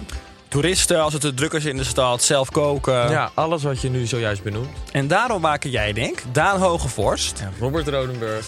een podcast waarin we alleen maar klagen. Want klagen is HET medicijn tegen het collectieve leed wat maandag heet. Dus elke maandagochtend een nieuwe te horen op je favoriete podcast-app. Maandag Klaagdag! Jezus, zingen moeten wij nooit doen. Vind jij dat jouw merk het verdient om in het volgende rijtje Tony Media adverteerders te staan? Bol.com, Google, HelloFresh, Samsung, Coca-Cola, Land Rover? Dat kan, zolang je maar betaalt. Mail naar adverteren@tonymedia.nl.